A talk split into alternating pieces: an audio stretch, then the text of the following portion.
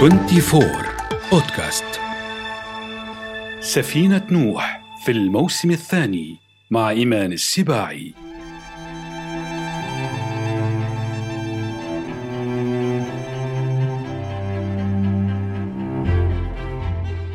استيقظ غريغور سامسا ذات صباح بعد أحلام مزعجة فوجد نفسه قد تحول في سريره إلى حشرة ضخمة. مرحبا يا أصدقائي. هذه هي السطور الأولى من رواية التحول أو المسخ للأديب التشيكي صاحب الخيال الكابوسي الغريب كافكا. في هذه الحلقة من بودكاست سفينة نوح من 24 نحاول أن نكتشف هل كانت هذه الحشرة التي تحول إليها بطل الرواية نملة عملاقة؟ كونوا في رفقتي إيمان السباعي. منذ مليون عام ويزيد ظهر النمل في نسخته القديمة. أسلاف النمل الذي نراه الآن كانوا أقرب إلى الدبابير فالنمل ينتمي إلى عائلة النحل والدبابير من الحشرات غشائيات الأجنحة وربما منذ آلاف السنين يحاول البشر القضاء على غزو النمل. يكتشف النمل فتات طعامك ويصل إلى أي طعام تخبئه في أوعية محكمة الغطاء يدور حولها كذئب يشم فريسته. إن حاسة الشم التي طورها النمل لا مثيل لها في أي من الكائنات وليس للنملة أنف. لكن لها قرون استشعار معقوفة تبدو تحت الميكروسكوب مرعبة فعلا تستخدمها في الشم والتلامس مع أفراد عشها أو غيرهم. من منطق حياة النمل مستحيل أن يكون بطل رواية كافكا نملة عملاقة. سأخبركم لماذا. النمل حشرات اجتماعية تعيش في مستعمرات وبالتأكيد لا تستيقظ وحيدة لكن من وجهة نظر أخرى قد تشبه حياة بطل الرواية التي تدور حول العمل وأداء الواجب تجاه عائلته حياة النملة. النملة مضرب المثل في الكد والاجتهاد لا تمل وتجمع طعامها صيفا في أوقات اللهو ولا تتعب أو تشكو ليس من حقها. وإلا اختل نظام المستعمرة. ومثلها بطل الرواية الذي تحول إلى حشره وكل ما يشغله رغم هذا الحدث الغريب أنه تأخر عن العمل. بطل الرواية يشعر بالقهر نتيجة استعباد صاحب العمل والعائلة له ولإنسانيته. في عالم تحول فيه البشر إلى مجرد آلات تؤدي وظيفة. ريكور سامسا. غارق في الضعف واليأس. لا يستطيع مواجهة مجتمعه على صورة حشرة لدرجة تجعله يفكر في الموت نتيجة شعوره بالاغتراب عمن حوله. أما النملة فأعتقد أنها تشعر بالتفوق حتى علينا نحن البشر. ولا تعتبر مهامها التي تقوم بها بآلية تثير الحيرة عبئا إلا إذا كانت نملة متمردة تريد الخروج على جماعة النمل. ذكر النمل في سورة باسمه في القرآن الكريم. وسمعنا حديث النملة إلى أفراد عشها. يا أيها النمل ادخلوا مساكنكم. لا يحطمنكم سليمان وجنوده وهم لا يشعرون. فهل للنمل مساكن كمساكن البشر؟ تتكون خلية النمل من الإناث المجنحة والذكور التي يبدأ طيرانها للتزاوج وبعد الاخصاب لا يعيش الذكور سوى أيام قليلة فلا دور لهم سوى هذا. بينما تعود الإناث لتكون كل أنثى مستعمرة جديدة تتخلى عن أجنحتها وتستعد لتكون الملكة الأم.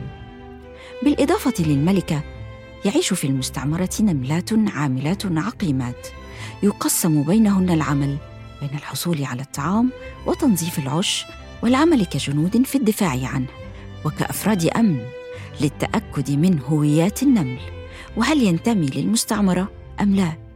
والأهم بناء المسكن وترميمه تحت الأرض ويكون شديد التنظيم ومكونا من ممرات وغرف تراعى فيها التهوية وللملكة غرفة لوضع الصغار وتوكل إلى العاملات رعاية الصغار.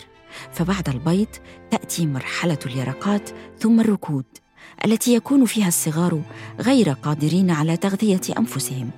300 جنس وحوالي عشر ألف نوع تقسم حسب وظيفتها. فهناك النمل قاطع الأوراق الذي يعالج أوراق الشجر لتنمو فوق الفطريات وهم فلاح النمل. وهناك النمل الخياط الذي يبني عشه من أوراق الشجر والنمل الحاصد الذي يجمع البذور لتخزينها. لكن يوجد أيضا لصوص النمل أو شبيحة بلطجية النمل يا أصدقائي وأشهرهم النمل الغازي المرتحل ولا يكون له عش ثابت بل يجتمع ليلا وينطلق في حشد مع الملكة ليهاجم ويأكل كل ما في طريقه. وكذلك النمل المجنون الذي ينتشر في الهند ويهاجم المحاصيل والحيوانات لدرجة تهجير الناس من بيوتهم. أما أخطر الأنواع فهو النمل اللاسع أو نمل النار الذي يبني أعشاشه على هيئة أكوام لها قبة في الأماكن المفتوحة. ويهاجم الإنسان أحيانا وقد تكون لسعته مميتة. ينتشر النمل اللاسع في أمريكا الجنوبية. وهو البطل الدموي في رواية إمبراطورية النمل لروائي الخيال العلمي هيربرت جورج ويلز صاحب رواية آلة الزمن ورواية حرب العوالم. يتساءل ويلز ماذا لو استطاع النمل أن يختزن المعرفة ويتطور كالبشر مستعمرات النمل تشبه في سلوكها البشر حتى في الاعتداء والحرب. وللحرب أسباب منها الرغبة في التوسع في الأرض المحيطة بالمستعمرة. والتي تعتبر مهمة للتخلص من النفايات والسير نحو مصادر الطعام. أما السلوك الغريب يا أصدقائي فهو مهاجمة المستعمرات لخطف أفراد كاسرى يكونون غالبا من العاملات الصغيرات ليعتادوا نمط المستعمرة ووظيفتهم مساعدة الملكة على رعاية الصغار أو للمساعدة في باقي الأعمال. حتى دولة النمل يا أصدقائي تعرف العبودية. لكن هذا الوجه العدائي والمظلم يقابله تعاون وإنكار للذات بين أفراد المستعمرة إلى حد التضحية بالنفس ومشاركة الطعام عن طريق الاكترار وهناك نوع لطيف من النملات تعرف بنمل العسل عقدت صفقة مع حشرة المن التي تتغذى على عصارة الزهور تلمسها النملة بقرون الاستشعار وتستجديها برفق لتفوز بقطرة عسل. تختزنها في معدتها وتظل نملات العسل معلقات في سقف العش لتغذية أفراد الخلية وقت ندره الطعام. في أستراليا يبحث السكان الأصليون عن نمل العسل ويعتبرونه نوعا من الحلوى. جاءتني الآن فكرة لمكافحة النمل. تربي في البيت حيوان آكل النمل الذي لا يأكل إلا النمل. ينبش أوكاره بمخالبه وينقله بلسانه إلى فمه الخالي من الأسنان. لكن للأسف ربما لن يوافق على الحياة في المنزل لأنه يحب الحرية في الغابات. وعلى العكس من النمل يقدس العزلة ومثل الدببة بطل في السباحة. في الحلقة القادمة سيكون معي دب وزنه 600 كيلوغرام يتسلق الأشجار أفضل من قرد. انتظروني.